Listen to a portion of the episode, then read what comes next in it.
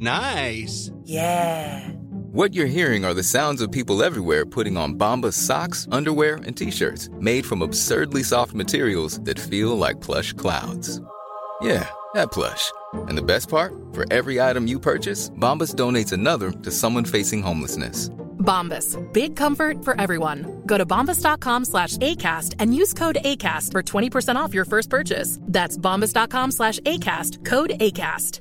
Many of us have those stubborn pounds that seem impossible to lose, no matter how good we eat or how hard we work out. My solution is PlushCare. PlushCare is a leading telehealth provider with doctors who are there for you day and night to partner with you in your weight loss journey. They can prescribe FDA-approved weight loss medications like Wagovi and Zepbound for those who qualify. Plus, they accept most insurance plans. To get started, visit plushcare.com slash weight loss. That's plushcare.com slash weight loss.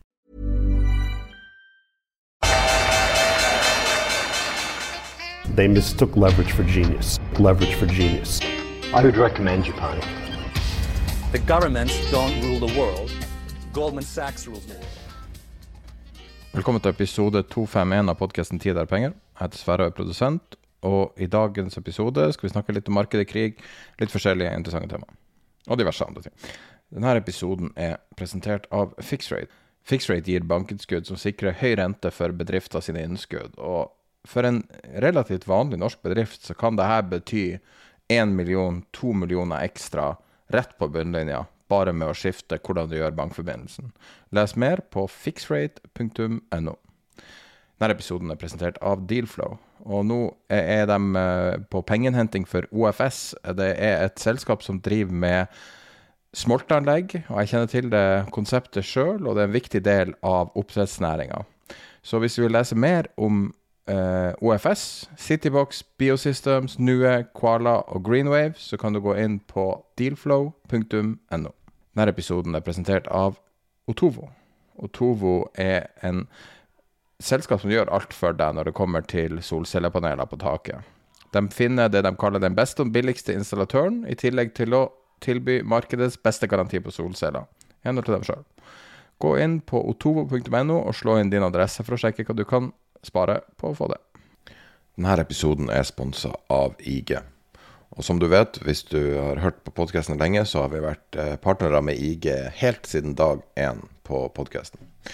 Og det er en grunn til det også. IG tilbyr veldig mye produkter som er forenlig med, med, tematikk som Peter snakker om ofte. Og en av de tingene Peter har holdt på med hele sin karriere, er handel i råvarer. Og når du skal handle i råvarer, så kan du gjøre det via selskaper, selvfølgelig. Mange gjør det. Oljeselskaper for å være eksponert for olje, men du kan handle råvarene direkte. Og det trenger ikke å være olje, det kan være jern, kobber, gull, tinn, nikkel, alt mulig.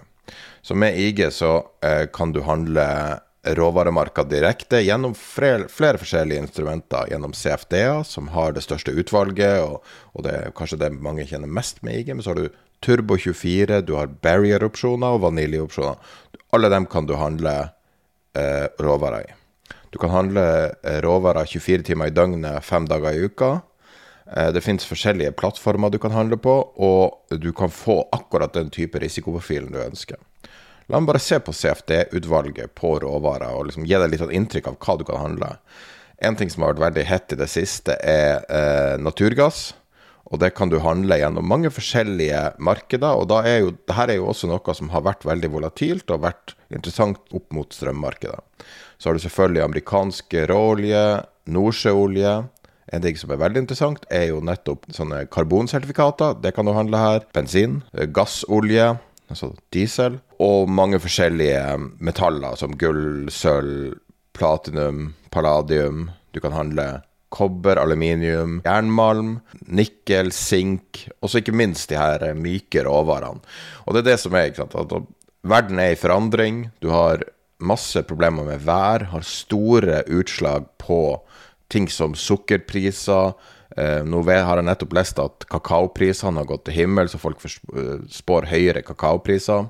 Også veldig væravhengig. Du kan handle forskjellige former for for eh, altså korn, eh, palmeolje, du kan handle Jeg sitter her og simultanoversetter.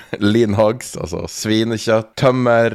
selvfølgelig appelsinjuice, som er en sånn klassiker i råvarehandel. Du kan se mer på ig.com no.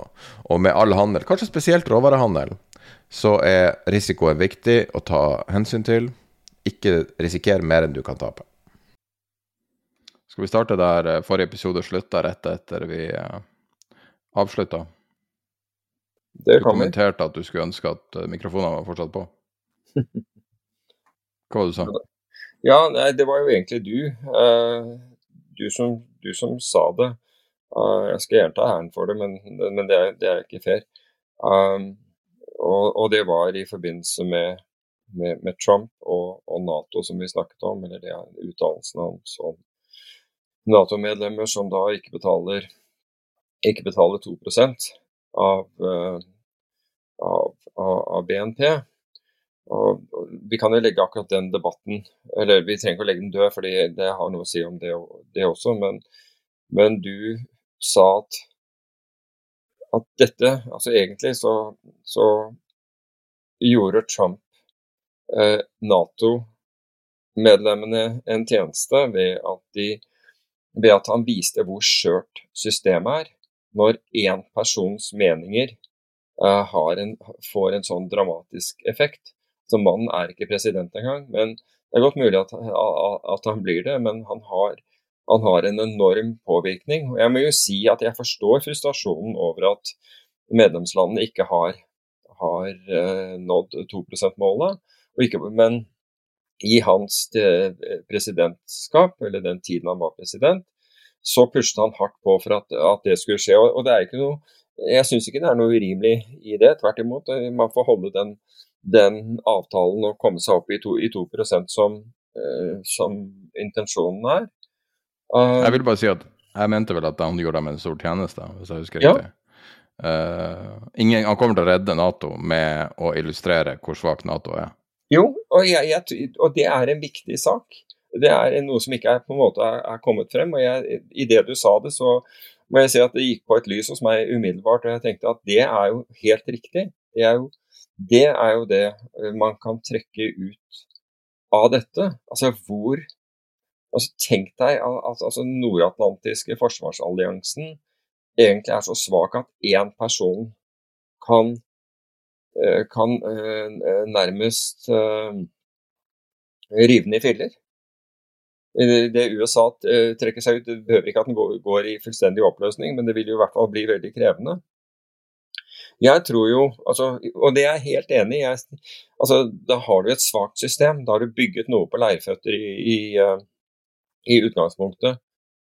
Uh, og du har ikke tilsvarende svakt system uh, på den andre siden, for der har du totalitære regimer som gjør akkurat hva, uh, hva en person vil. Og fortsetter å kjøre som vi ser eh, Russland gjør, gjør, i forbindelse med Ukraina. Og Russland utnytter denne situasjonen til de grader eh, ved å intensivere sine, sine, angrep, øke importen av, eh, av artilleriammunisjon fra, fra Nord-Korea. Mens USA altså Det er jo ikke Bidens feil at man ikke har eh, man ikke har fått eh, vedtak for, eh, for, for, ytterligere støtte. Men faktum er at på slagmarken i Ukraina så er, så de, uh, er i ferd med å gå tom for, tom for ammunisjon. Og Det gjør at de er nødt til å rasjonere bruken av ammunisjon. Nå har jo russerne avfyrt vesentlig flere, flere eh, artillerirunder, hva heter det for noe? Altså, artillerigranater mot, eh, mot, Ukraina enn det Ukraina har gjort mot, uh, mot, mot Russland. og det, det har, Slik har det vært, men nå er jo det forholdstallet det har vel aldri vært svakere enn det er i øyeblikket. og Det gjør at man ikke har anledning til å forsvare enkelte områder. og Det er som å gi Russland carte blanche til, til, å øke sin aggresjon. Så det er, det er ufattelig hvor Altså, vi har bygget et system som er ufattelig sårbart, altså egentlig. Og her ser du det. Altså én person som da uh, har uh, utfordringer når det gjelder impulskontroll, er, kan da kjøre systemet i dass, i verste fall. Så tror jeg samtidig, når man først har den, den debatten, så eh, har ikke Trump tenkt på konsekvensene, de økonomiske konsekvensene dette vil ha for, for, for USA. Stoltenberg har vært inne på, inne på det. Og jeg, jeg husker ikke hvilken tittel eh, tyskeren som, som, var inne på det senest i dette, i dette sikkerhetsmøtet som man nå har, som jeg mener er i München, kan ta feil. Um, har vært inne på det, er tross alt hvor mye man kjøper av amerikansk utstyr. Så hvis, og nå er det jo slik at i dagens, uh, i, i, i, dagens kriger så, så, gjelder det å ha systemer som snakker sammen. Og jeg tenker da på uh, at f.eks. et jagerfly tar F-35 er ikke bare et jagerfly, men det er også en etterretningsplattform. Fordi den har så mye sensorer om bord at den, den også eh, har, fyller rollen som etterretningsplattform. Eh, ikke bare det, men på basis av den informasjonen som den da, den da henter inn, så kan den, eh, så, så kan den sende det, den informasjonen til bakkestyrker også utenlandske, altså Nato-bakkestyrker, fordi man er på samme system. Og det kan være targeting-informasjon, altså nøyaktig beskrivelse og, og, posisjon på objekter som, som man ønsker å, å, ta ut. Og for så vidt også på objekter man, man for, enhver, eh, for, enhver, pris ønsker å, å, skåne. Men saken er at i dag så med, er det blitt mer og mer teknologi involvert, slik at våpensystemene eh, snakker sammen. Og du har et problem dersom de ikke gjør det. Så man prøver nå å få, få flere og flere av disse våpensystemene til, å, til både å snakke sammen, men også å snakke sammen med sensorene som da befinner seg f.eks. i jagerfly, eller, eller, det kan være satellitter kan, og, og, på annen måte, slik at ting overføres elektronisk. Samme gjelder jo når, altså, i, i, i gode gamle dager, hvor du hadde forward observers som da snakket inn f.eks. Uh, jagerfly på mål. I min tid så, snakket, så, gjorde vi det, uh, så gjorde vi det auditivt. altså med andre ord vi, vi uh, identifiserte målene, og så snakket vi flyet inn på, på målene. Det kunne hende at man brukte en laser for, for, for, for våpensystemene som flyet hadde, men, men, stort sett så ville de melde seg on station og så ville vi få vite hva de hadde av, de hadde av, uh, av, ulike våpen, og hvor mye drivstoff de hadde, altså hvor lenge de kunne, de kunne være on station uh, uh, for, for, oss. Og så tasket man det med etter hvert. I dag så, så er den funksjonen kalles JTAC, Joint Tactical Er det Air Commander eller er det Salt Commander? Men command, eller i hvert fall det, og som foregår via, via terminaler. Så nå snakker man med flyet. Man snakker også auditivt med dem, altså over voice, men, men stort sett så kan du sende den informasjonen, uh, altså uplink og downlink, opp til flyet og downlink ned, ned, ned til deg, uh, på målet, som, som igjen sikrer uh, en høyere grad av presisjon. Når det, gjelder, når det gjelder leveranse av våpen. Hvis du nå, altså hvis, hvis man nå skal trekke USA ut f.eks. ut av Nato, så, vil, så, tror jeg Europa brått vil snu seg vekk fra eh, våpenkjøp fra, fra, USA, eller i hvert fall redusere det betraktelig, og heller si at dette må vi bygge selv. Må, vi, vi kan ikke forvente at USA eh, bidrar, ergo er vi nødt til å styrke vår, vår, e, vårt eget forsvar og oppgradere det eh, både elektronisk og militært betydelig. Nå har vi vel alle, alle sett at at tendensen er mot en, en oppgradering uansett, men her vil man da eh, redusere det samspillet med, med, USA, nettopp fordi du vet ikke om de er der.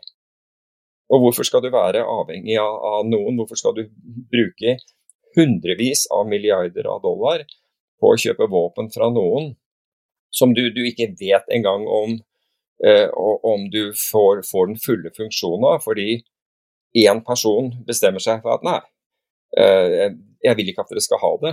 Eh, jeg vil tvert imot, jeg oppfordrer, som Trump gjorde, at, at russerne faktisk, faktisk, invaderer dere.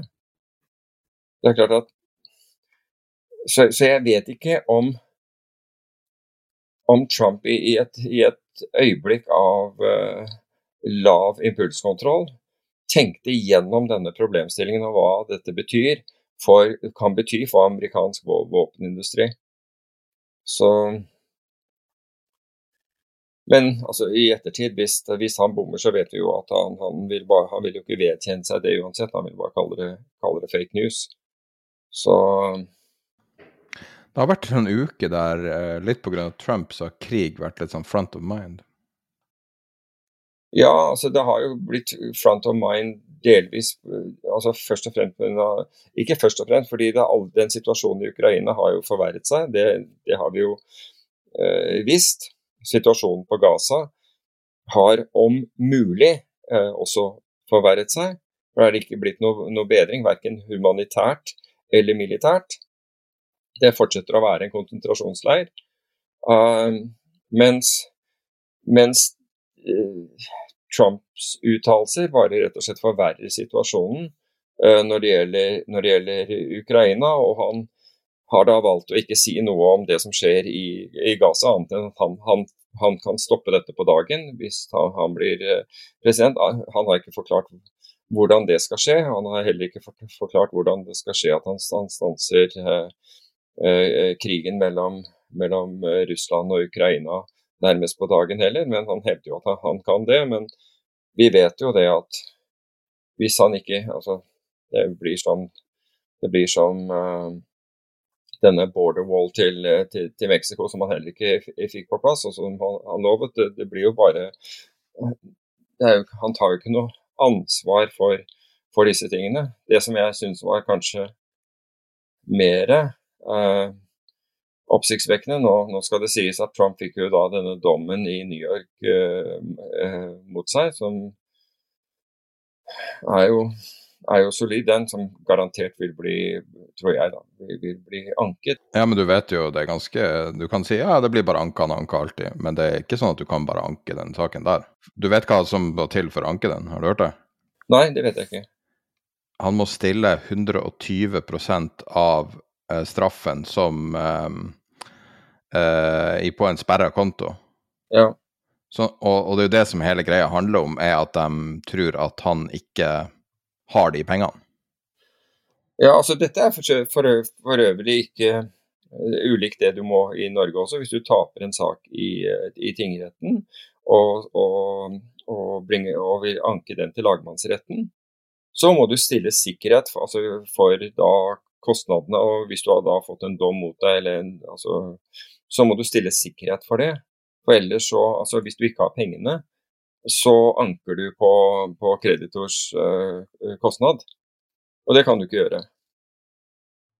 Men det gjelder begge de sakene han er dømt til. Uh, sånn at uh, hans, hans, juridiske penger går slutt i juli, i henhold til estimatene. Altså da er liksom de pengene han har samla inn, men han sendte jo ut et, et, brev nå til alle følgerne, for, fordi han vil jo helst at andre betaler regningene. Jo, han klarer å samle mye penger, men han klarer ikke å samle flere milliarder. Nei, altså jeg ville jo sagt at uh, eh, 350 millioner dollar er, er, jo et beløp. Det er jo et beløp. Ja, og så er det, er det rente på de greiene også. Så det, det, er ganske heftige rente på det her. Ja, nettopp. Ja, ja, hvis du får, får markedsrente nå. Men, men, det var en ting, det var jo for så vidt altså Jeg skjønner at hodet hans har spunnet på dette her, men uh, da det ble kjent at uh, den russiske uh, opposisjonelle Navalny døde da i denne her fangekolonien i, et eller annet sted i, i det verste området av, av, av Sibir, så var jo alle statsledere, vestlige statsledere raskt ute med det. Og, og, å fordømme eh, både den behandlingen som, som, han har fått, og selvfølgelig utfallet. Um, og, mens Trump sendte i det, det døgnet påfølge, altså det døgnet hvor man fikk vite, altså etter at man fikk vite at Navalny uh, var død, ut 90 Det heter vel ikke tweets på, på hans uh, Truth. Hans, ja, truth, det er jo en ja, det er jo en selvmotsigelse i seg selv. Fler, flertallet av truth. Ja, ok, men i hvert fall... Skal du retweete, så heter det retruths.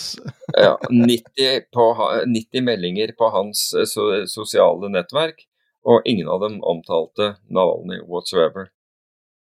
Så jeg vet ikke, jeg. Jeg, tror, jeg, tror han en russisk, altså, jeg tror han er en russisk asset, ja, men, men kanskje, kanskje, han ikke vet det selv. Men det vet jeg ikke. Men, men har ikke de sagt at de fikk finansiering i Russland? Jo, altså nå er vi jo ute på, en måte, på, på ting som um, mange enten ikke vil høre om eller har veldig sterke meninger om. Men det er jo rart med det der. altså Vi var kvitt Trump i fire år, mer eller mindre.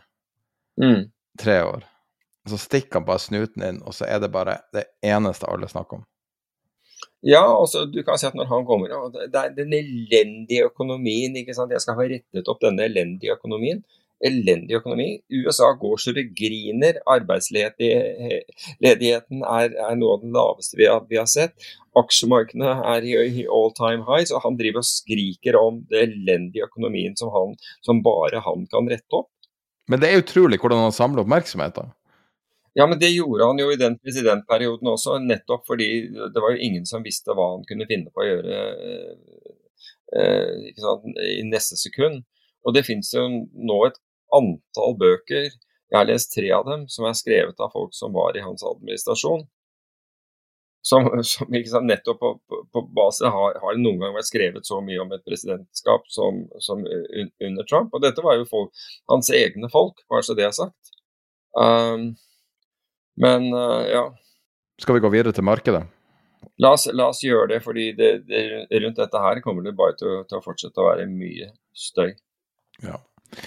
Eh, det var eh, litt tegn på eh, på nedkjøling av markedet forrige uke, og det var mange ting som skjedde da. Nvidia ble USAs tredje største selskap. Vi hadde inflasjonstall. Hva du Men likevel, altså, ser du på analysene, SMP er over 5000 fortsatt, men ja. hva, hva er det oppsummering? Nei, altså du kan si at vi, vi, vi snakket jo om hvor mange, det, hvor mange uker på rad eh, SMP var opp. Vi snakket om på, på en måte mange av disse, disse, faktorene. Men det som jeg syns var, var, litt interessant, fordi vi nevnte også i forrige podkast at vi mente at opsjoner var billige og, og, gjorde det mulig for alle å beskytte seg til en, til en lav pris hvis de Eh, hvis de så ønsket. Eh, og det viste seg å være riktig, fordi eh, opsjonsprisene på uken steg over 10% altså eller Vixen steg over 10% Men det var jo en spesiell uke for da vi åpnet på mandag. altså De to første 15-minuttersperiodene på mandag. Og Jeg nevnte det for deg, men jeg vet ikke om du husker det etterpå. fordi der beveger SMP Futuren seg fra bunn til topp kun tre poeng i, i begge de altså Normalt sett er åpningen den er den mest volatile i markedet. Hvorfor? Jo, fordi eh, da, da, er det gjerne en hel bøtte med ordre som skal, skal, utføres. Det er For det første er det jo da amerikanske meglere som har fått ordre fra alle mulige institusjonelle kunder, som da skal utføres når, når eh, markedet åpner. Det er det ene. Men det er også at Europa skal, eh, er i ferd med å stenge, og de ordrene som europeerne har, og så de posisjonene de har som de trenger å reversere, er de nødt da til å gjøre, eh, gjøre før liksom, dagen deres er omme. Derfor så er den største aktiviteten den foregår på åpningen, og den, er, den varer alt fra eh, altså I hvert fall den første halvtimen, men, men jeg Sånn erfaringsmessig kan det, kan det der vare i 90 minutter, men et eller annet sted mellom 30 og 90 minutter så varer, har, har du økt volatilitet. Og Det som skjedde på, på mandag, det var, to ting som var da unike. Det var, det var unikt eh, lite bevegelse i, eh, da, da, markedet åpnet. altså i, i, den første halvtimen hvor markedet åpnet, var det, un, var det sjelden lav bevegelse. Men samtidig med dette, altså lav bevegelse, skulle jo tilsi lavere VIX, altså lavere opsjonspremier, mindre usikkerhet, lavere volatilitet. Så, så så vi det motsatte. Vi så faktisk at VIX-en tikket opp, og folk begynte å kjøpe. Det var kjøp i VIX-en. Og jeg la merke til det var, det var Vixen jeg påpekte overfor deg, og, og, i forhold til noen andre tradere som, som jeg har på, på, på, på, på chatlinje, så var det Altså, det der var så unaturlig. Altså både den, la, den ekstremt lave, de ekstremt lave svingningene på SMP 500 på åpningen, og samtidig at det skulle medføre behov for å, å, sikre seg. Og det, det jeg umiddelbart tenkte, at her er det faktisk noen som har bestemt seg for å kjøpe sikring, altså som kjøper kursforsikring. Og så fikk vi da bevegelse. Og, og, og vi fikk ikke noe 2 %-bevegelse, men, men, både SMP eh, falt da, jeg lurer på det var, var tirsdag, og over 1% Nasdaq var nesten ned 2 og, og, det, det, var litt, litt, litt, mer aktivitet i gang etter, eh, etter, det. Så en av de best performing assets i, i, i forrige uke var faktisk da, var faktisk da Vixen. Um, og slik at jeg føler jo at, at nå, er, nå, er, ting litt, litt mer eh, altså nå, nå, ser det ut som folk begynner å tenke over eh, litt på nivåer vi, vi, befinner oss i. Samtidig med dette så stiger lange renter, eh, som gjør at eh, Som betyr fall i obligasjonspriser. Men hvis vi ser på hva var det som dro i forrige uke, jo det var det, det var faktisk ikke det som hadde med aksjer egentlig. Det var, eller det, ETF, altså den BWET, den ETF-en for tankrater, gikk opp 15% Og blockchain-ETF-er som da har selskaper som, som eh, har som formål å utvikle og forbedre blockchain, De var opp mellom 8 og 12% Galaxy, altså Mike Novograds selskap, uh, krypto investeringsbank, opp 12% Dixon, som jeg nevnte, opp 10 Og iBit, som er da denne bitcoin-ETF-en, var også opp 10% Og det som er interessant med dette her, var at da jeg var på Skagen-konferansen, så ble det gjort en sånn uh, poll, hva heter det, meningsmåling. Og hva trodde du liksom ville være det sterkeste i år, og hva, hva trodde du var det svakeste? Nå, nå har vi tross alt bare kommet halvannen måned inn i året. Men man trodde jo at, dette, at aksjer ville være sterkere enn en noen annen asset-klasse, og bitcoin ville være i bånn. Men det sagt, hadde du vært på en bitcoin-konferanse, så hadde du fått ikke sant? Så det er jo egentlig bare en sånn bias i forhold til hva du selv eier. De fleste som er på Skagen-konferansen, eier jo aksjer og tror på liksom, aksjemarkedet. Det er helt naturlig. og Da har du en bias til å være at det er det beste. Hvorfor de mente at bitcoin skulle være dårligst, det, det, det vet jeg ikke, men det var nå det. Men i virkeligheten så har da var bitcoin opp 10% i forrige uke og 17 eh, hittil i år. Og det er da vesentlig bedre enn Oslo Børs, som, så, som er ned. Og du må borti Og hvis du skal slå eh, hvis du skal slå eh, utviklingen i bitcoin hittil i år, så måtte du ha kjøpt tyrkiske aksjer, for Istanbul er opp eh, 24 og eh, det som er helt sikkert det mest naturlige for, for, for, nordmenn hvis de skal kjøpe aksjer utenfor Norge, det er Nigeria. Den er opp 41% um, Ellers er Danmark um, og Argentina opp 14% som er da dårligere enn uh, en bitcoin, men det har i hvert fall vært noe, vært noe der. Så. Det finnes ting som beveger seg mer enn bitcoin, for å si det sånn. Oh, ja, ja, for all del. Jeg har en quiz til deg. Ja, kom igjen. Nå skal du få litt tall kasta til deg. Kan, lytteren kan også gjøre denne quizen. 52 ukers range på dette verdipapiret, det vil si da laveste noteringa, høyeste noteringa siste året. Laveste laveste 85,61 og høyeste er 1077,87. Den siste dagsrangen, altså fredagens dagsrange, intradag-rangen, er 801,15 til 1077,87. Den laveste den har vært det siste uka, var 753. Vet du hva det er for noe? Altså, så sier du at den har, at den har en day, daily, day rangen på, på fredag. På 20 ja. Nei, jeg vet ikke hva det er. Super Microcomputer, som er en serverprodusent som uh, folk som er interessert i sånn, har, kjenner til. De fleste har ikke hørt om det før nylig. Og på torsdagen tror jeg Det det, var den som har opp 97, det, det er den som har en RSI på 97, ikke Nvidia. Så, Ja. så er ja. Eh, og på fredag, nei, torsdagen så var um, Bank of America ute med en analyse som sier at uh, i et marked der man forventer Altså, de har hatt de siste 17 årene 5,5% vekst på, på salget. Og de forventer 50 vekst de neste tre årene, og mener at markedet dramatisk underpriser potensialet i den her. Eh, og de satt sitt eh, price target på 1040. Og eh, eh, Og de eh, eh, forventer helt insane resultat på bunnlinja i 2025. Den aksjen har da altså steget fra 85 dollar til 1000 dollar på ett år. Der har du AI. Der har du den største vinneren i AI. Wow. Et selskap, og det var noen som begynte å snakke om det på chatten litt. Grann, eh, for ei ukes tid siden. Så jeg vet at det var noen som hadde faktisk tok gevinst i den, så det hadde vel vært eh, en populær tradingaksje en stund. Og den har jo steget som en linjal 45 grader opp mot høyrehjørnet en stund nå. Men eh, hva du syns om at den, har, eh, at den går fra 800 til over 1000 tilbake til 800 på to-tre dager? Ja, fy fader. Det er, er det godt å ikke være om bord, for å si det på den måten. Med mindre du er, du er lang billig volatilitet. Det er fantastisk i, i, i så måte, men uh, Minner litt om uh, Det minner litt om .com der, altså.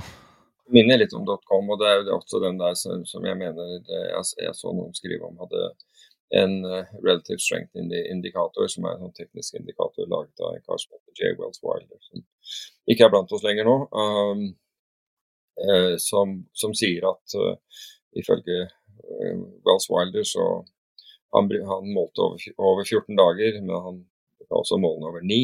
Han sikkert gjør noe annet også. Ingen av dem er Fibonacci-tall for øvrig.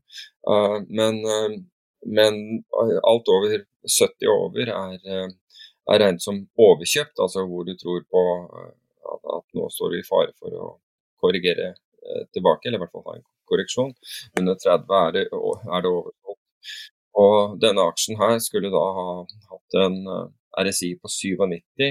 Jeg tror det ble Man fant i hvert fall av det jeg leste, nå har jeg ikke gått inn i det og søkt selv, så jeg må bare ta det eh, for det det var verdt, men der man fant eh, aksjer som hadde det under .com, eh, og i det eh, Men den gangen i det, det, det man, fikk den der toppen, eller en, eh, en reading på, på 97, så det var, det var, da var det over. Da, da, da dro .com Da var .com-bølgen over også. Så Nei, det er spesielt. Jeg er helt enig. Så, Ja, Nei, det, det er uvanlig, men det er høyst, høyst uvanlig chart, og veldig uvanlig at en, én analyse har så stor impact på en aksjekurs. En li, et lite studert selskap, men det er jo litt sånn, i takt med det vi har snakka om eh, med AI, at det kan være lurt å se på mindre selskaper. Jeg hadde brukt AMD som et eksempel, nå er jo det et ganske stort selskap, da, men Supermicro nå er jo også blitt et ganske stort selskap. Så, eh, så det, er, det er vanskeligere og vanskeligere å finne. Men la oss eh, bare ta en kjapp titt på det som skjedde forrige uke med AI, som kan være å journalisere de her prisingene. da. Det er tre ting som har skjedd. Det ene er at OpenAI jobber med en Google-søkekonkurrent i henhold til The Information. Eh, Google falt fi- 3 på den nyheten. Oi. Det var ikke mye med 3 da. 3 for Google er ganske mye. Ja, ja. ja men altså hvis, hvis, hvis uh, OpenAI har en, har en, eh, en troverdig konkurrent, så vil jeg tro at det ville være større effekt på Google enn 3% Men OK. Men man, man vet jo ikke, det er jo nesten sånn ryktebasis nå. Så det er jo, Mm. det er jo ikke noe de har bekrefta på noen måte. Okay. Ellers så var det to store gjennombrudd på det teknologiske forrige uke. Det ene var da, eller begge er jo da annonserte gjennombrudd, ikke noe man kan egentlig teste, men OpenAI har eh, lansert noe som heter Sora. Som, eller ikke lansert, de har fortalt om det, som er da tekst til video. Du kan skrive inn en tekst, og så, så lager den en video som er relativt troverdig. Altså, hvis du ikke ser nøye etter, så ser det ekte ut. Mhm. Har, du, har du er- sett et eksempel på det siden du sier det, eller? Ja, jeg legger med det i nyhetsbrevet. Det er, det er eksempler som Hvis du ikke følger med, så ser det helt altså Når jeg så det første gang, tenkte jeg at det her er bare det her er legit. Det her er filma, liksom. Og så så jeg nøye etter, og så bare Å ja, nei, det her er jo uh, småfeil på. Så de har hatt store fremskritt der. Eller så har Google uh, oppdatert en um, Altså den, den, nye modellen deres som heter Gemini 1,5. Og uh, den kan lagre 10 millioner, opptil 10 millioner tokens og det er vel tilsvarer vel like mange Altså det tilsvarer vel hele engelskspråklige Wikipedia, så vidt jeg skjønner. Som det kan lagre og analysere. Så f.eks. du kan be om eh, ting med å bruke det som utgangspunkt med såkalt korpus. Sånn at du kan få utrolig nøyaktig. Så en test noen gjorde, var at de lasta opp hele transkriberinga for hele måned, eh, den første månelandinga, altså måneferden. All stemmer som har gått fram og tilbake, alle samtalene. Og så sier de ta og gi eksempler på der det var uh, humor i de her. Og så fikk de tilbake tre eksempel som var da dårlige vitser fra astronauter. Men er det, det er en AI? Eh? Det er tilsvaret Du kan sammenligne det med ChatGPT 4, eh, eller, eller som, som, er bygd på GPT4, da. Men eh, det at den kan ha ti millioner tokens, er da basically at du du har mulighet til å laste opp uh, alle bøkene i verden, liksom. altså det er på den, og så bruke det som informasjonskilde. Men når du sier 10 millioner tokens i, i, En token er et ord. OK, takk. Det var akkurat det. Eller det er 70-85% av et ord, men det er liksom det viktige i et ord, da, det som gjør at en datamaskin kan lese det. Så ja. de to tingene kom med to timers mellomrom i forrige uke.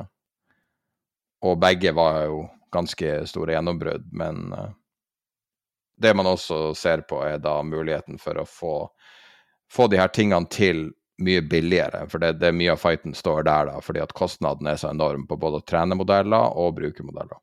I praksis taper jo alle penger. Det er jo ingen som er i nærheten av å tjene penger på det. Så langt, ja. Annet enn dem som eier Supermicro-aksjer. De som eier eh, Ja, eller, ja, eller Nvidia, for den saks skyld. Det, det skal mye datakraft til. Ja. Nei, det Det virker bare å ha kommet til et punkt nå der altså det er bare big boys rules. Men samtidig så er det også mange som stiller spørsmål med utility og alt mulig. Og, altså det er jo en bra leke, men, men uh, det er fortsatt uh, mange spørsmål å stille og, rundt verdsettelser. Spesielt da eh, når Sam Altman sier han skal hente 7000, nei, ja, 7000 milliarder dollar. Um, ehm, 7 trillion dollars, som han sa.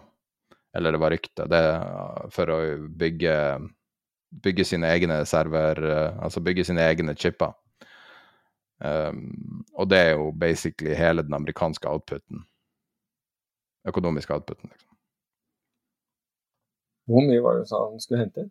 Seven, uh, seven trillion dollars var det han mente han trengte. Altså denne mannen er så stor man skal nå som Må jo har... gå vann i munnen på alle nå, eh, på, på, en del norske hus hvis de får være med på det greiene Ja, men det, er, altså det, er jo, det her er jo bare ja. Det her er jo bare igjen det der eh, number go up. ikke sant? Også, mm. Det er jo bare større tall. Du må bare si et tall, og så er det en fantasillion til slutt det her er jo ikke noe, det er jo ikke noe økonomisk eh, forstand i det her, ikke sant. Nei, jeg er enig. Jeg kan for øvrig ta de der tingene altså det som, det som, falt, var jo Det som falt mest, falt 20 er jo det vi gjerne vil at skal falle. Det er jo, det er jo future-prisen på, på, nordisk kraft. Det falt faktisk 20 i forrige uke, og da snakker vi om eh, det som er i, i, i Q2.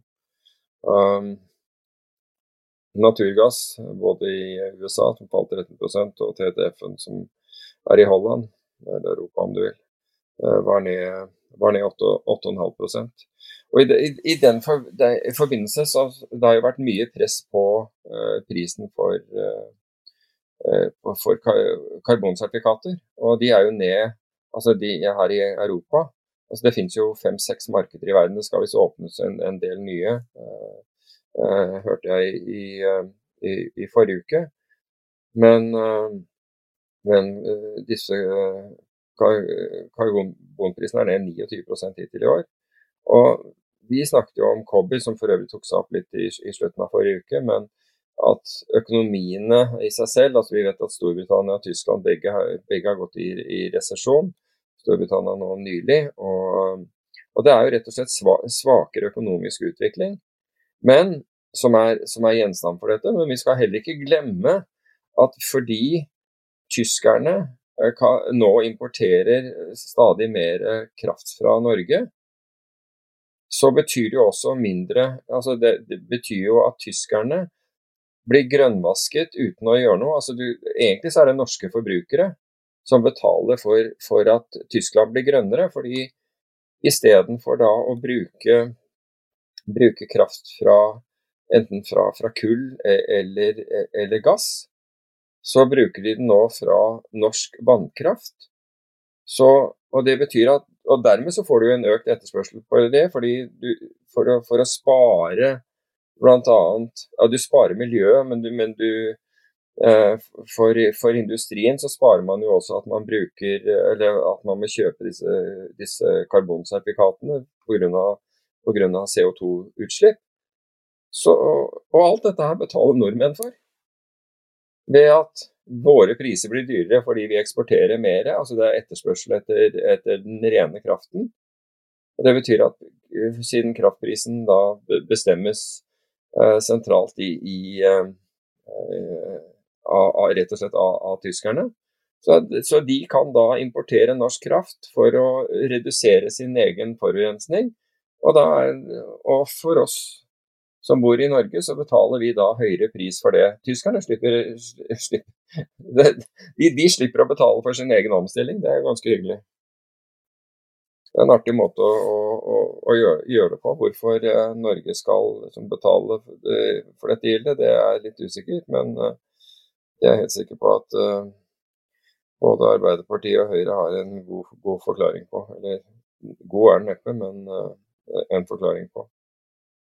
Uh, hvis vi ser til kjapt inn på, aksjemarkedene, så var det jo bra for Oslo Børs i forrige uke, som steg 1,9% Kina steg 3,2 Russell-indeksen i USA var den beste av de indeksene med en oppgang på 1,1.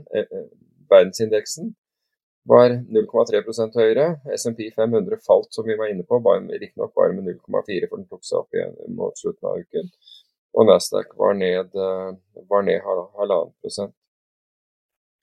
Eh, for eh, utlendinger i, så er det jo så er jo tapet altså er det jo fortsatt et, et tap eller Oslo Børs er jo lavere, altså er vel ned 3-4 også, Men for utlendinger som da fordi kronen har svekket seg, så blir det større for, for utlendinger. Og Hvis jeg skal vært artig å gå inn på det med kroner, for rett før årsskiftet så husker jeg at kronen styrket seg jo ganske kraftig. Den var oppe i og dollar var oppe i 11 kroner og falt ned til, til 10. Og da hadde du jo delvis altså den norske renteoppgangen som reduserte differansen eh, til, til, amerikanske renter. Eh, slik at det, det, det var mindre lønnsomt å, å selge norske kroner fordi på, på, den rentedifferansen. Men fortsatt så er det mer attraktivt å holde dollar, bare, bare så det er sagt. Og, og, så var avisene fulle av uh, økonomer som mente at, uh, at krona kom til å styrke seg voldsomt. Noen da Det er stort sett de, de samme som går ut og, og, og prøver å få spalteplass og sier at ja, de tror den skal ned i åtte kroner eller et eller annet sånt relativt usannsynlig nå. Men, eh, men da var det også analytikere som hev seg på og sa at de hadde anbefalt eh, hedgefond å, å, å, kjøpe norske kroner, og de hadde kjøpt i milliarder på milliarder i, i norske kroner, så nå var det liksom kjør den veien. Men siden årsskiftet så har jo faktisk kronen da falt igjen, da. Og det her skal man være oppmerksom på, på en ting. at vi, vi, kan godt fundamentalt håpe, og jeg håper jo virkelig at kronen styrker seg. bare så det er sagt. Jeg er liksom mentalt bias til at jeg vil gjerne ha en, en sterkere krone. Både pga. Av, av inflasjon, men også altså for, å, for, å, dempe inflasjonen. På grunn av, altså, ellers så importerer vi eh, inflasjon fra utlandet pga. varer vi, kjøper fra, fra utlandet. Men også fordi den, norsk internasjonal kjøpekraft har falt da med, med 20 ikke sant? Når, Hva var det Jeg så en avis i dag, eller den var jo gårsdagens avis, hvor engelskmenn kom til Norge for å feriere fordi det var billigere enn, enn å være i England. The Telegraph har et artikkel i dag eller i går som uh, sier at nå er det endelig et, et sånt skisted i Norge som, uh, som var urørt. Og det var um, Gaustad. Og jeg kan ikke huske at The Telegraph hadde skrevet om norske skisteder eller noe sånt. Det har vært liksom sånn om Dubai og sånne her ting, har det ikke det? Jo. Det, uh, Norge er blitt Europas Thailand. Liksom. Det er jo bare ja, men, uten tvil. Det var noen, hva var det? Det var noen som sa, nå husker jeg muligens feil 90 og, av kjøpere eller i bakken er utenlandske, er det ikke det?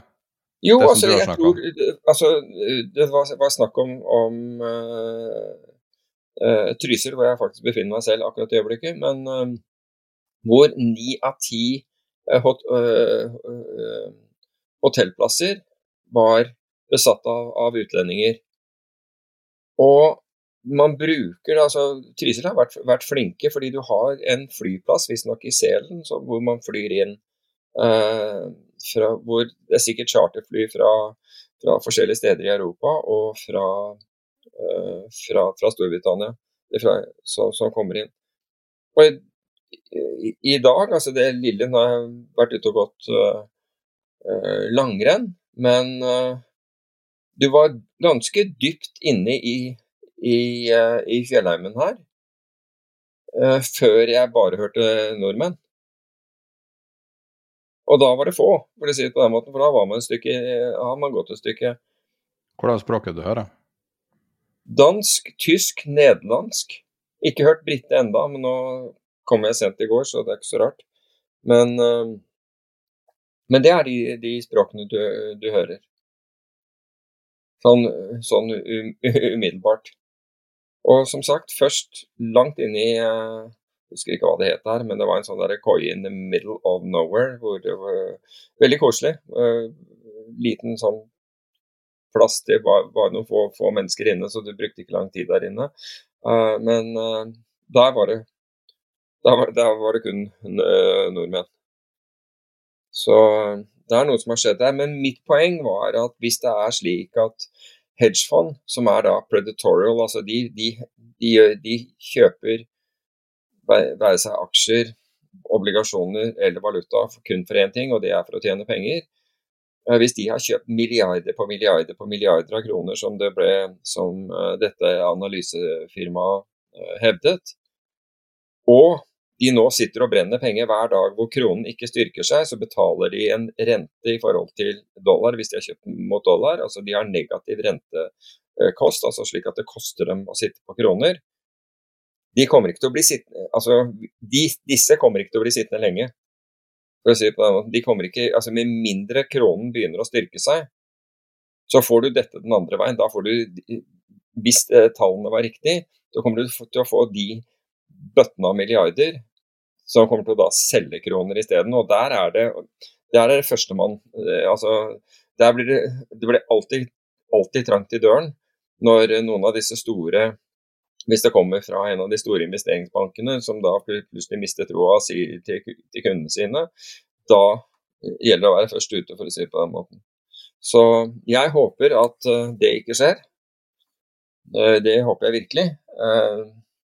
Men samtidig så så vet jeg at uh, dette er ikke folk som har, uh, har den, den, spekulative delen av uh, markedet har ikke, er, ikke er, er, ikke gitt en sånn gudbenådet gave av tålmodighet. Altså. Og i hvert fall ikke når de, når de har negativ carry, altså med andre ord sitter og, og må finansiere dette til en, til en høyere rente. Så Du forventer svakere krone, med andre ord? Nei, altså jeg, jeg, håper at jeg tar feil. Jeg, jeg håper at, noe, at, noe, at, det kommer noen nyheter her. Men jeg var skeptisk til det da, for jeg følte at det, det ble pusha på så veldig plutselig. Og så ble det, ble det sånn veldig tema. Og det er sånn det er ofte når noen prøver å sette i gang en bevegelse. Det ble litt mye av de samme folkene som gikk, gikk igjen med, med, med og stadig litt nye argumenter osv. for hvorfor man, alle skulle gå ut og kjøpe kroner. og Det, det virket som mer som man prøvde å få med flere da, til, til, å gjøre det. Så man forsøkte å få, få til en trend ut, ut, av dette her. Og når vi da ser at det, det, har svekket seg, gått den andre veien, så tenker jeg at det er en del som tenker at eh, Eller kan det fort være at folk sier mm, er dette det beste jeg kan gjøre med pengene mine nå, eller skal jeg kjøpe noe annet? Det er det, man, man stiller, det spørsmålet man stiller seg hver dag når du kommer inn og har en tradingbok, som, som hedgefond og en del andre har. Det er jo nettopp det. Er dette den beste måten å anvende pengene mine på, eller pengene til fondet på, eller skal jeg finne noe annet?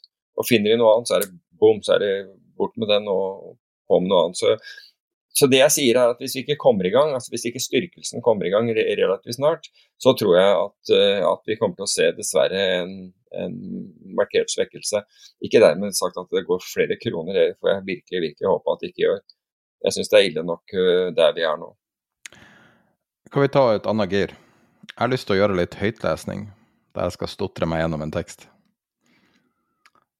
Det er metoden uh, Eiendom Norge bruker for å regne ut boligprisindeksen.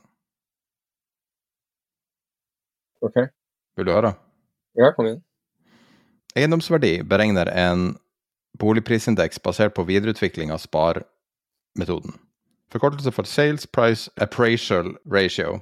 Vår appraisal er eh, predikert salgspris fra maskinlærealgoritme Random Forest, trent på historiske boligtransaksjoner. Metodikken består av to trinn. I første trinn utnyttes observasjoner av hvordan, vi, hvordan variasjoner i en boligs kjennetegn samsvarer med salgspris. Vi inkluderer kjennetegn som boligtype, størrelse, etasje, tomtestørrelse, byggeår, eierform av tomt, bolig og beliggenhet. Maskinlæringsmodellen lar oss predikere en boligverdi gitt disse egenskapene. Modellen er satt opp slik at den predikerer hva boligen er verdt på et fast tidspunkt, uavhengig av når boligen ble solgt. I andre trinn beregner vi sparebrøker for hver bolig omsatt i den aktuelle perioden. Dette er, for, dette er forholdet mellom salgsprisen og hva modellen predikerer, gitt boligens kjennetegn på det faste tidspunktet. Okay, for de ulike rapporteringsområdene finner vi så frem til prisstigningen ved å regne ut et trunkert gjennomsnitt for forholdet mellom observerte priser og predikerte priser. Trunkeringen betyr at man fjerner en gitt prosentandel av de laveste og høyeste sparebrøkene. Dette gjør målingene mindre sensitive for ekstreme observasjoner. På denne måten kontrollerer vi for sammensetningseffekter og ulik prisutvikling for ulik type boliger.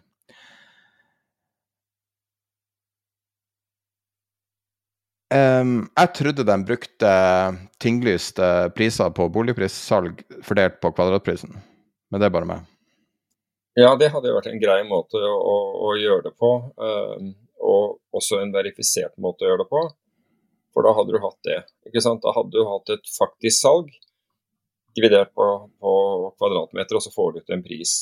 Og så må du da antageligvis justere for størrelsen på, på, boliger, for vi vet at eh, langt flere har råd til mindre boliger enn større boliger, naturlig nok. Og så, må du da i tillegg ja, sannsynligvis justere for, for området man befinner seg i, men hvis du har nok data, så kan du gjøre det.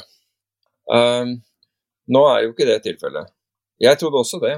Da hadde, hatt, da hadde, du på en måte hatt svaret men du har ikke nødvendig, fordi da har du i hvert fall svaret på det som blir omsatt. Men det du ikke ser, ser svaret på, verken på den metodikken som du, øh, så, som du foreslår, og som ville være enkel og lett forståelig, og den som de foreslår, som bruker ma maskinlæring og som er kompleks og vanskelig og umulig å ettergå, fordi du vet ikke akkurat den, uh, hvordan den beregner.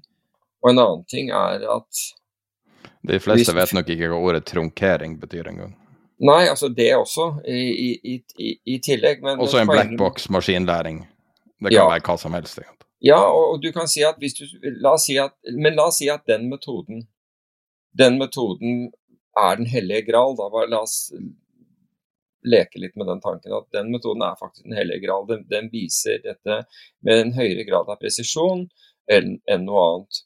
Hva måtte du da gjøre for å gi dette her en, en, en ordentlig mening? Jo, du måtte jo da i tilfelle eh, gå tilbake eh, måned for måned, gjerne en ganske lang periode, og la maskinen gjøre det på, eh, på, på, på datagrunnlagene for, så, som da var til stede for, for de, de eh, aktuelle månedene.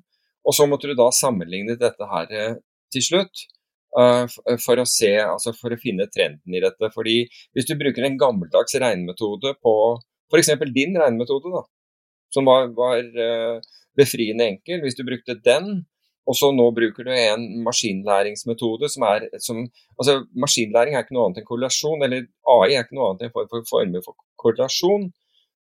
Så kan de ta feil. ikke sant? For det er, det er tross alt korrelasjon. Det er, det er ikke slik at at du har to streker under svaret. Det kan være at, at den er mer nøyaktig, men vi vet ikke det. Jeg kan foreslå én potensiell feil. 30 år, 30 år verdioppgang.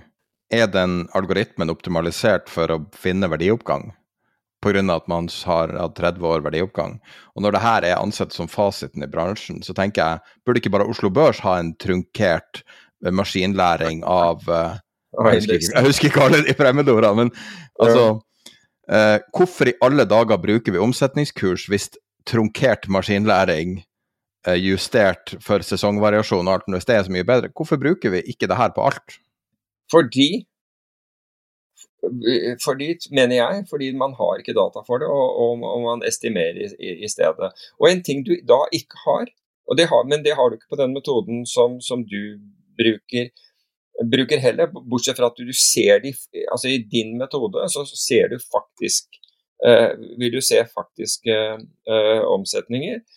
Men det du ikke ser, og som, som, jeg var vitne til to ganger i den uken som var, eh, i, i, forbindelse med noen som, som, var ute etter bolig, var at det kom, var tilfellene hvor det ikke kommer inn bud. Og, dette, og tilfellene jeg viser til nå, var på Frogner to leiligheter på Frogner. Det kom ikke inn bud overhodet. Men ingen vil jo fange det, for da må du jo, med mindre den her trunkerte maskinlæringsmodellen klarer å ta høyde for det her, da, så vil jo, den komme inn. Det du kan fastslå med det, da, det du umiddelbart kan fastslå i forhold til det, det er at, at prisen, prisen, er så feil, er så høy, den, altså den foreslåtte salgssummen er så høy at at budgiverne bare gir Nei, dette orker jeg ikke. Altså, jeg, dette gidder jeg ikke å være med på engang. Det er ikke noe vits i. Jeg mener at den er to millioner kroner for høy, eller et eller annet sånt. ikke sant? Så, og der er det ikke disse menneskene. De tror faktisk de skal få jeg vet ikke hva, 11 La oss si at det er 11 millioner, og, og jeg mener at riktig pris er 9, da. Der kommer vi aldri, så jeg gidder ikke å, engang å by. Men da må du ta de to Og nå husker jeg hva trunkering var, jeg hadde glemt det allerede mens jeg leste opp. Det betyr å skjære bort, så da må du trunkere bort det høye og det lave. Ja, men du, jo, Så sitter vi igjen med 10 millioner. Jo, men du, du, du vil jo ikke eh, tronkere bort det høye og lave her, for denne her vil jo ikke komme inn i statistikken i det hele tatt. Du tronkerer bort det høye og lave fordi en eller annen bolig selges for en eller annen vill pris. Altså ta for eksempel, det, det, det har vært noen boligsalg, men de har vært veldig høye. Altså veldig dyre boliger hvor kjente eh, mennesker, som altså milliardærer, har gått og sagt den der vil jeg ha. Og så betaler du den prisen for det. ikke sant? Og, og den prisen Den ville blitt trunkert bort. Nettopp. Det er, that's my point. Den ville bli trunkert bort. Selv om den er tinglyst, den burde jo være med i verdistigninga. Fordi at den personen som betalte 1000 og noe dollar for uh, Supermicro, ble jo ikke trunkert bort. Fordi man er jo ute etter å få alle i en price discovery, også de ekstreme mm. utfallene. Mm. Mm. Problemet mitt med det her er at det her var en veldig kompleks måte å si det på. Jeg fatter ikke hvorfor det må være så komplekst, og det svekker jo Det gjør jo ingenting annet enn å svekke troverdigheten til Eiendom Norge-tallene, som allerede da har, slitt, har nå helt nylig slitt med troverdigheten. Flere stiller spørsmål med en prisoppgang nå. Ja. Selv om ja, ja. at det kanskje er riktig, det er ikke det jeg sier, men når du gjør det så forbanna komplisert Jo, men det er, det er mange altså Uh, altså Første gang hvor, hvor, jeg tok opp det, det med deg, altså det var jo før for, forrige episode, eller var før den før der, jeg husker ikke når det der 3, et eller annet firetallet eh, prosent eh, kom ut. og Jeg reagerte på det med en gang. Og jeg begynte å gi argumentene eh, til deg hvorfor jeg mente at det der tallet her var spinnvilt. Og, og da ba, sa du tar med og tar med og tar med, og du, du andre er på banen, har allerede vært på banen. Du er ikke den eneste i det hele tatt som mener at det der er feil. og Da, da viste du til en rekke som hadde ment akkurat, akkurat det samme. Noen av, på basis av samme årsak som meg, og, og, og noen på, på, på, på, andre årsaker. Og, og sikkert og kunne være bedre også, fordi de, de kan det der markedet, markedet bedre. Men uh, jeg, jeg tror at summen av dette her er, er jo altså, Selv eiendomsmeglere er fortvilet over at, over at man har lykket til å hause dette her såpass mye opp at selgerne nå flytter prisene sine oppover til urealistiske nivåer. Altså, så har, meglerne, meglerne, har lykkes i å, å gi et inntrykk av, av, en sånn stor etterspørsel, en mye høyere etterspørsel enn det som er, slik at selgerne, selgernes forventning har, har, steget, og så plutselig så det fins ikke at Det blir ikke budt på engang. Jeg tror det, det tekniske ordet for det er gaslighting. Ja. Men, men jeg, jeg syns jo det er merkelig at dette her ikke blir altså, ordentlig ettergått. Altså, er dette her en bra måte å drive, drive på? Bare Norges største marked for økonomiske transaksjoner. Ja. ja, ja. Nei, men det er tingen at man skal Alle som har solgt en bolig, har vel opplevd det her at når du leser om eiendomsmarkedet i avisa, og når du faktisk skal selge en bolig, så det er veldig ofte at du føler at det er helt representativt, det du leser, enten det går veldig dårlig eller veldig bra. Fordi at en boligtransaksjon er ikke uh, reell price discovery hver dag hele tida. Det er litt tilfeldigheter knytta til det. Mm. Og nå har man hatt en uh, nesten uavbrutt opptur i 30 år i Norge, som har stoppa, for så vidt. Uh, og folk har da forventning om 30 år til. Det eneste med eiendom som går, går, går skikkelig opp for tida, det, det er helt overbevist om er eiendomsskatten. Den, den, du, den, kommer til å være der lenge. Jeg skulle bare ønske jeg eide en eiendom i det der, hva var den der uh, lille uh, Gaustad? Når det står om det i The Telegraph, så kan du banne på at uh, det kommer til å øke prisene der. Gaustad? Ja, det var det som sto i The Telegraph, om det skisted. Gausdal? Det står Gaustad. Nei, det må være Gausdal.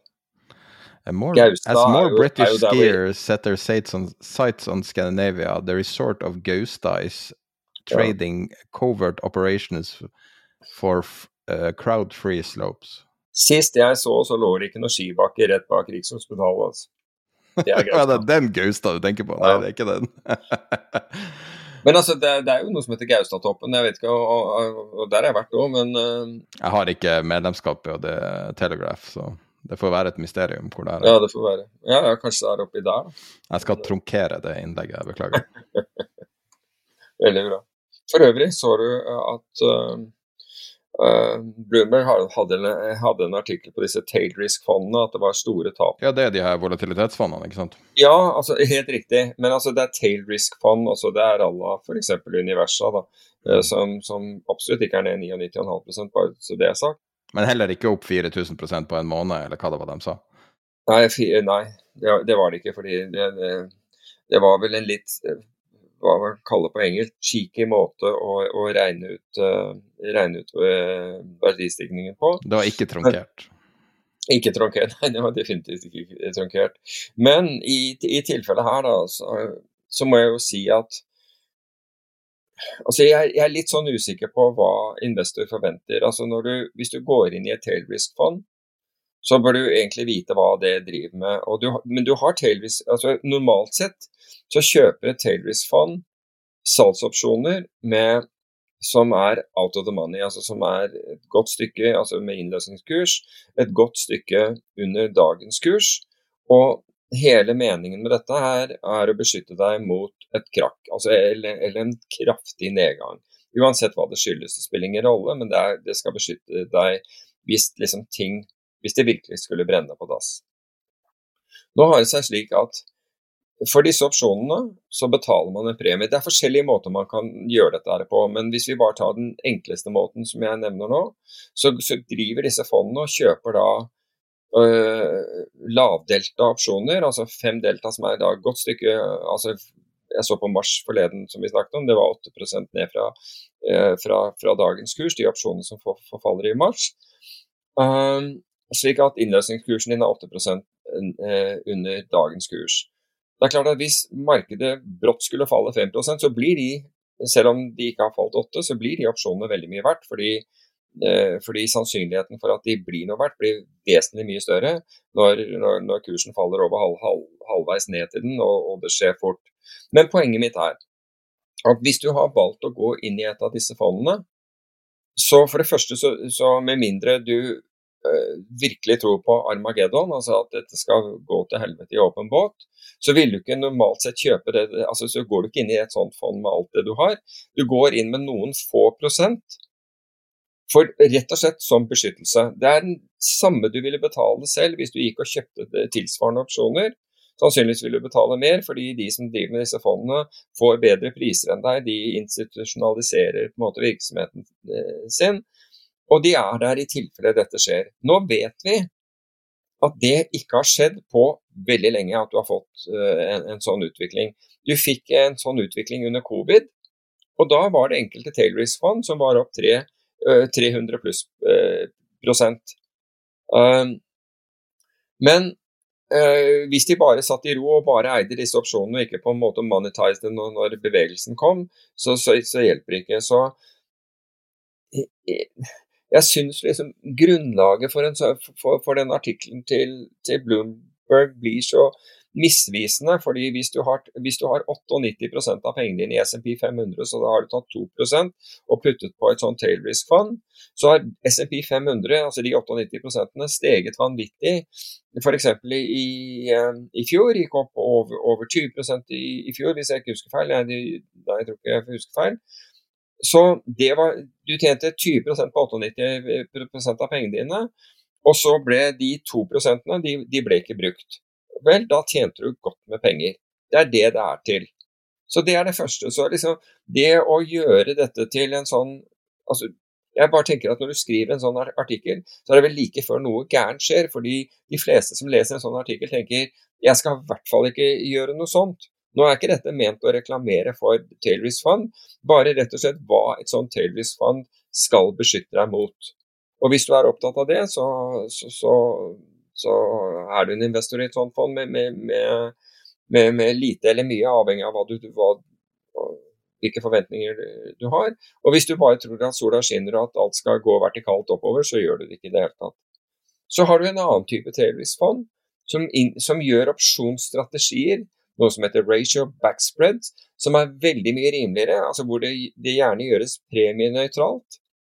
Hvor, uh, hvor, hvor, du får noe av samme effekten. Det blir ikke helt lineært samme effekten, fordi uh, i, en, uh, i en ratio backspread med, med salgsopsjoner, så utsteder du opsjoner, la oss si f.eks. Uh, 5 ned, og så kjøper du mange flere opsjoner for den premien du fikk inn, med, med, en innløsningskurs noe lenger ned. Slik at du netto er, eier put-opsjoner det er, det er, ikke et likt forhold mellom, mellom de du har utstedt og de, de, du har solgt. Så du, du aksepterer at du taper litt hvis, det, hvis, markedet bare faller litt og stopper. Mens hvis markedet virkelig tryner, så tjener du penger. Det vil være mye mindre, den vil være ganske cash-nøytral, og spesielt hvis markedet står stille.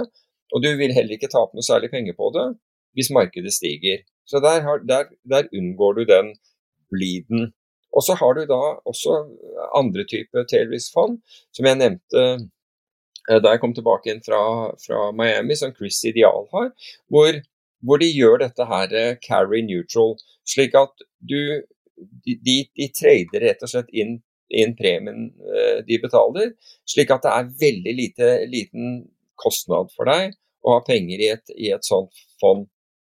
Så så som sagt, eh, jeg ble Nå er det kanskje ikke så mange andre som har lest den artikkelen i, i, Bloomberg, men jeg blir frustrert av å lese sånn, rett og slett fordi det får folk til å kanskje endre strategi når, når risikoen er høyest. De har vært i denne strategien lenger og har tro på den og ønsket å beskytte seg, og så blir, også, også og så blir en du, føler du nærmest at du blir hengt ut fordi du har gjort dette her. Fordi dette gikk jo ned 99,5% ja, selvfølgelig, altså Opsjonspremie som ikke blir benyttet fordi kursen ikke kommer dit, den forfaller til null.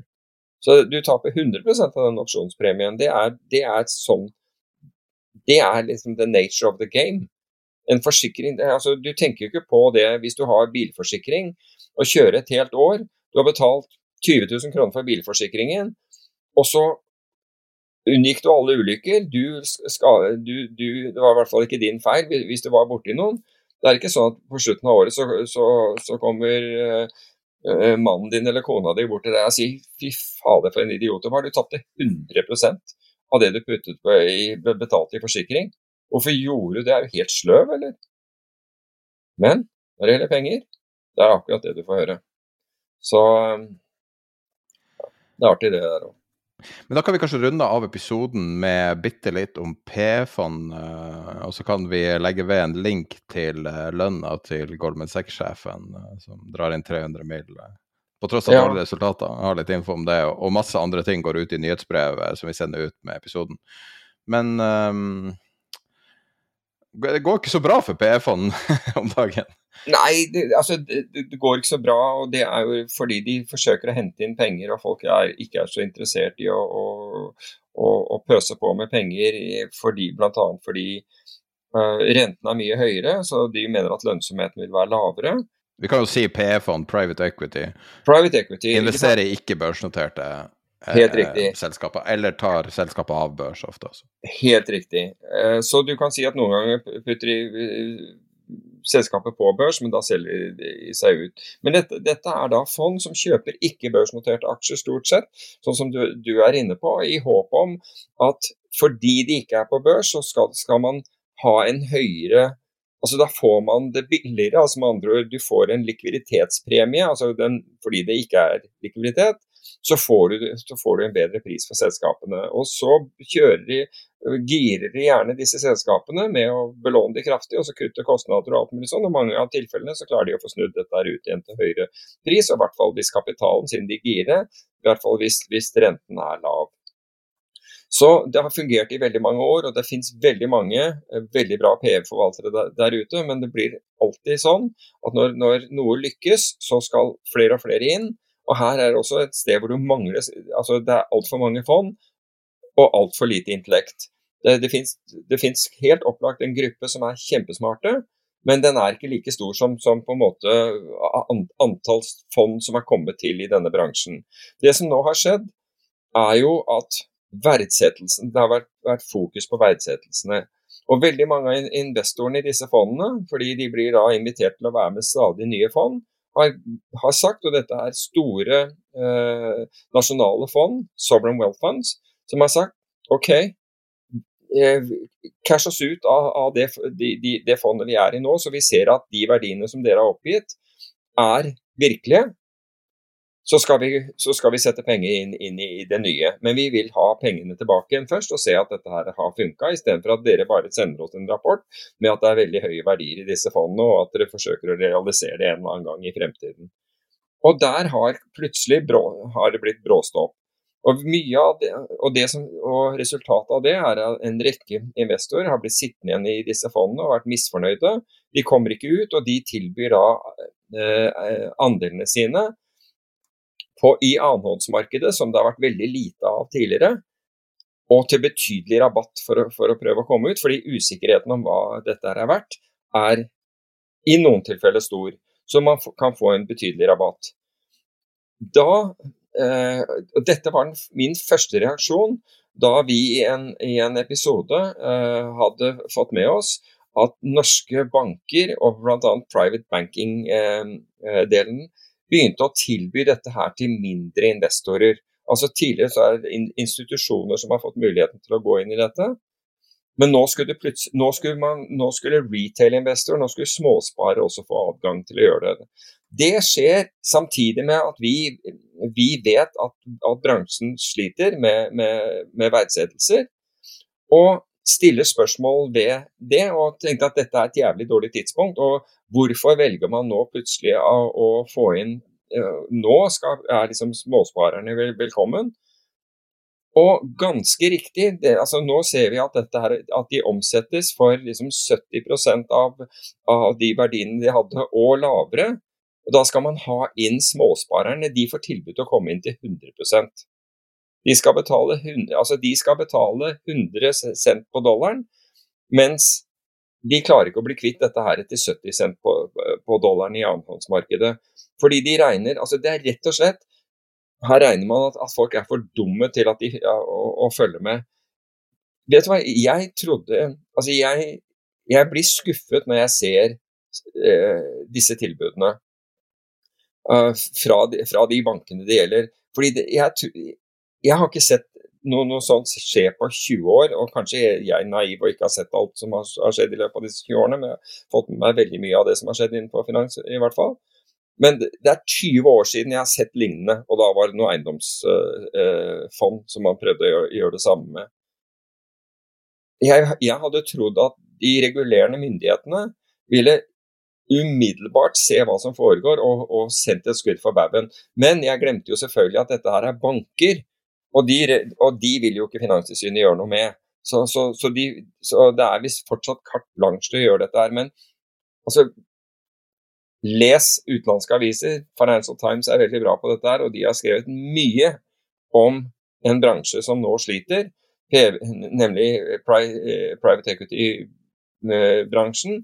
Og de problemene som er med verdsettelsen der. Bli opplyst, bli smartere.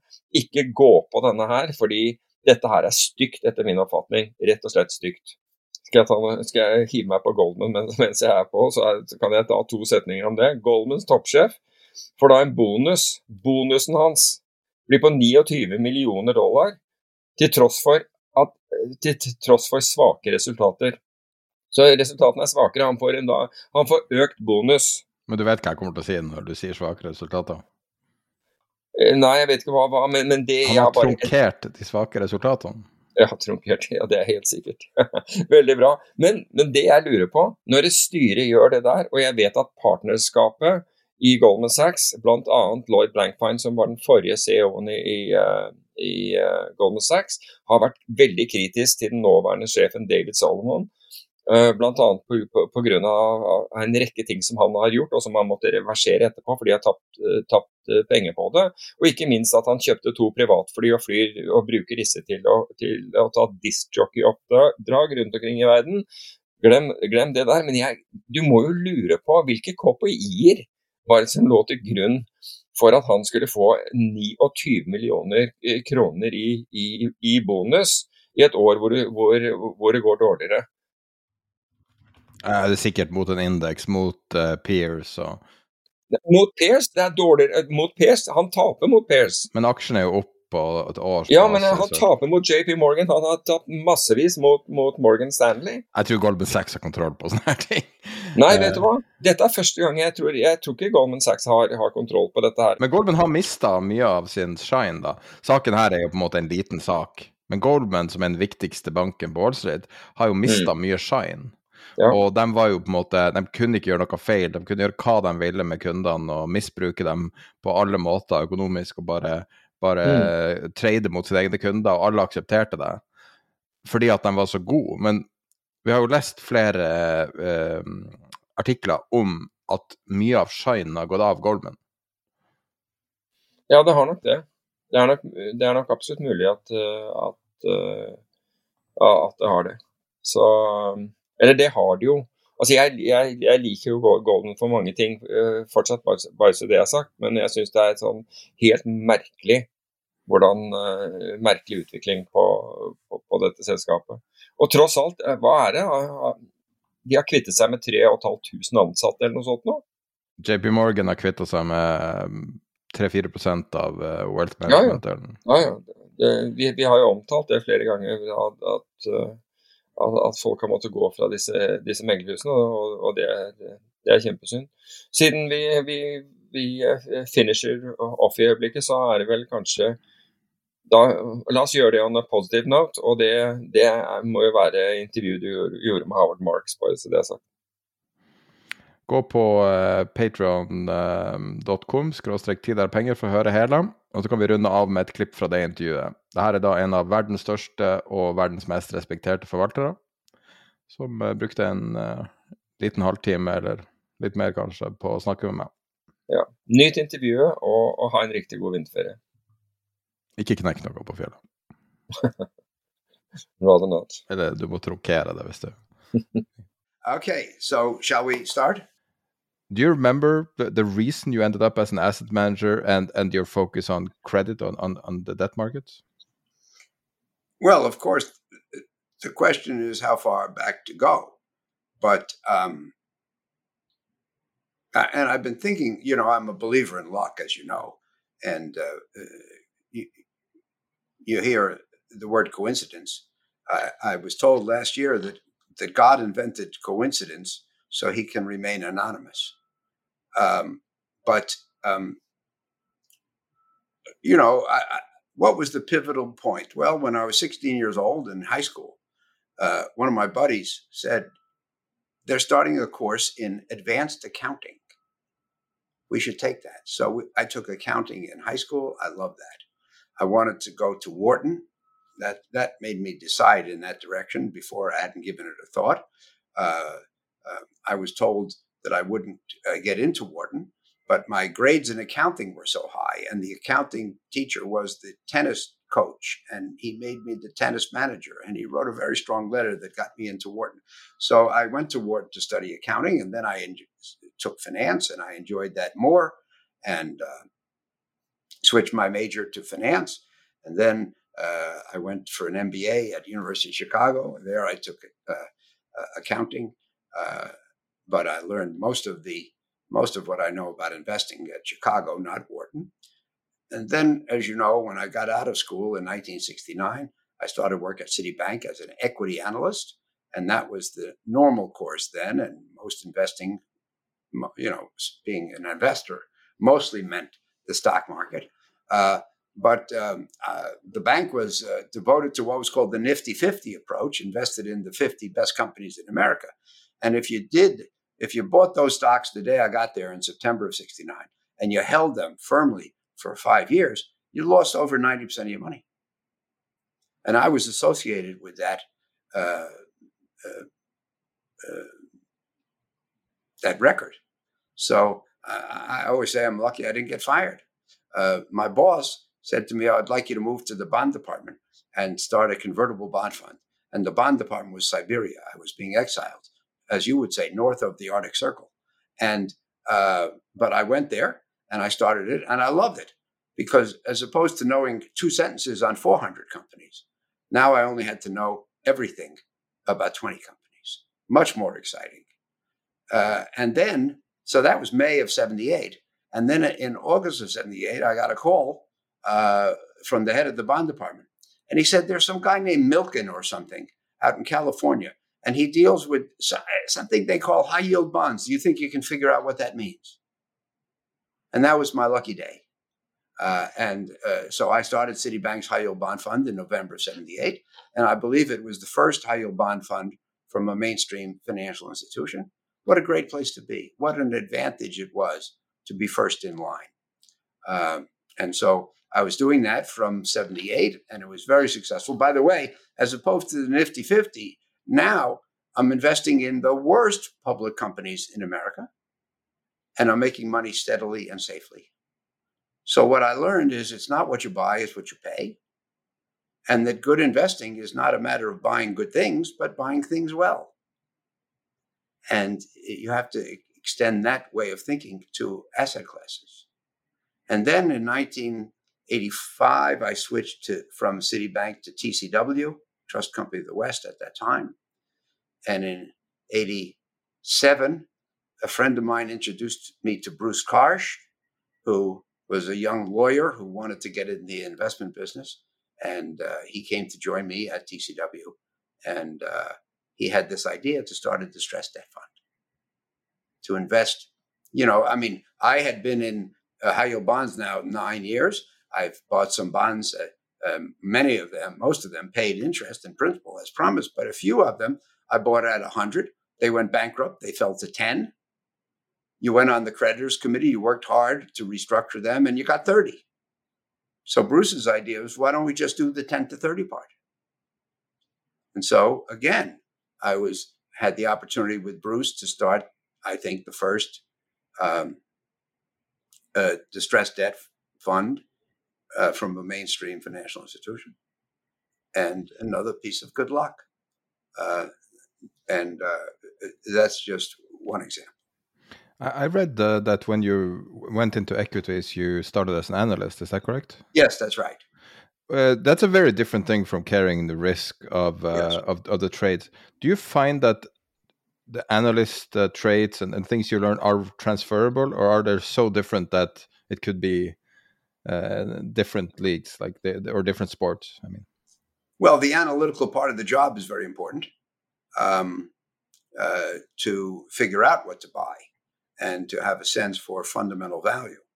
Uh, but then, as you say, the portfolio manager aspect of the job is actually uh, putting the decisions to work and, and bearing the risk and living with the ups and downs. Uh, the, the analyst uh, lives with the consequences of his or her recommendation. Uh, but actually making the buy sell decision and living with it is is more. Now I'm not a big risk taker, and uh, uh, so I'm lucky I got into the bond world where the risks are uh, containable and uh, where the performance is pretty pretty much foreseeable. Then when Bruce and I went into the distressed debt business, he, he supplied his, uh, shall we say, boldness uh, and uh, took on the uh, actual portfolio management decisions, and and he did a great job. So I think I think your question is getting at a very interesting topic. We say in in in American sports, we say, "Oh, that guy is doing well. He's playing within himself. He's doing the things that he can really do." And that's important for anybody in any walk of life, and especially in investing, where uh, where it's the the the basis of the job is taking risk. Speaking of that, um, you don't make many public calls. Uh, a lot of people talk about things they think will happen. I don't. I I I have listened to you many many hours, and I think I've heard you make one very uh, distinct call earlier this year, or or yet last year. I mean, um, within the last six months. How was this time different, and why did you feel the need to make such a?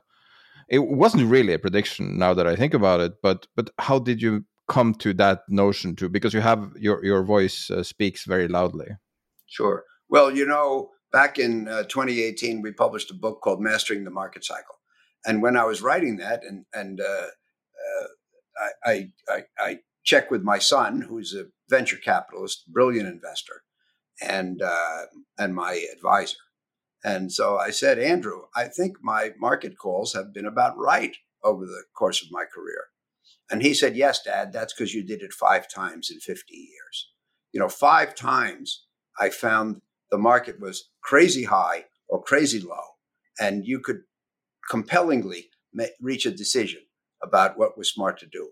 In between, not so much. And uh, so it has been very infrequent. And the infrequency has permitted it to be right.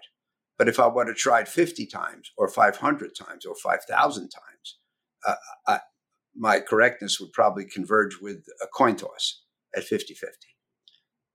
Now, the, the one you're talking about was not a market call, but it was an observation with regard to the environment. I wasn't saying buy or sell. Uh, but what I was saying is that uh, if you came into this business uh, since 1940, 1980, you pretty much have only seen declining interest rates or ultra low interest rates. And that has had a profound impact on investments over this period of time. But so below the surface and so gradual over such a long period of time that most people don't recognize it. Uh, but it has it has helped investors, it has helped borrowers. So it doubly helped people who made investments using borrowed money. It hurt savers, it hurt lenders, it hurt, it hurt bargain hunters because by keeping the markets aloft, you make it harder to find bargains. So it had a very profound impact on the on the investment environment. My point that I made in a memo called Sea Change in December 22 and have made since is that I think that's over. Interest rates are not going to go down terribly far from here. I don't think we're going back to the zero that was the Fed funds rate for most of the time from the beginning of 09 to the end of uh, 2022, or the half a percent that I think prevailed on average over that 13 year period. So interest rates will not be declining much. They will not be as low as they were, which means that the beneficial effects on certain investment strategies and the negative effect on others will not equally be the case. Now, people who lived through the 40 years from 1980 to 2020, they think that that was normal. And that's what they'll always see. Uh, that's human nature, is to think that what you have lived through is normalcy. Uh, but it's not. And you have to be as old as I am. You have to be able to remember the 70s and the 60s uh, to think about high and rising interest rates. And I'm not saying that I'm not saying that in, uh, interest rates in the future will be high and rising. They'll be moderate and steady, as opposed to the declining and ultra low rates of the of the uh, recent past. Hey, it's Paige DeSorbo from Giggly Squad. High quality fashion without the price tag. Say hello to Quince.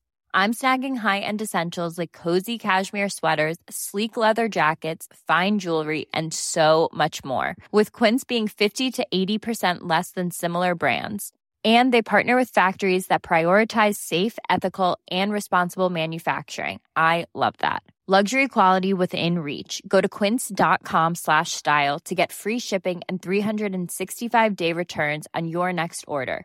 Quince.com slash style.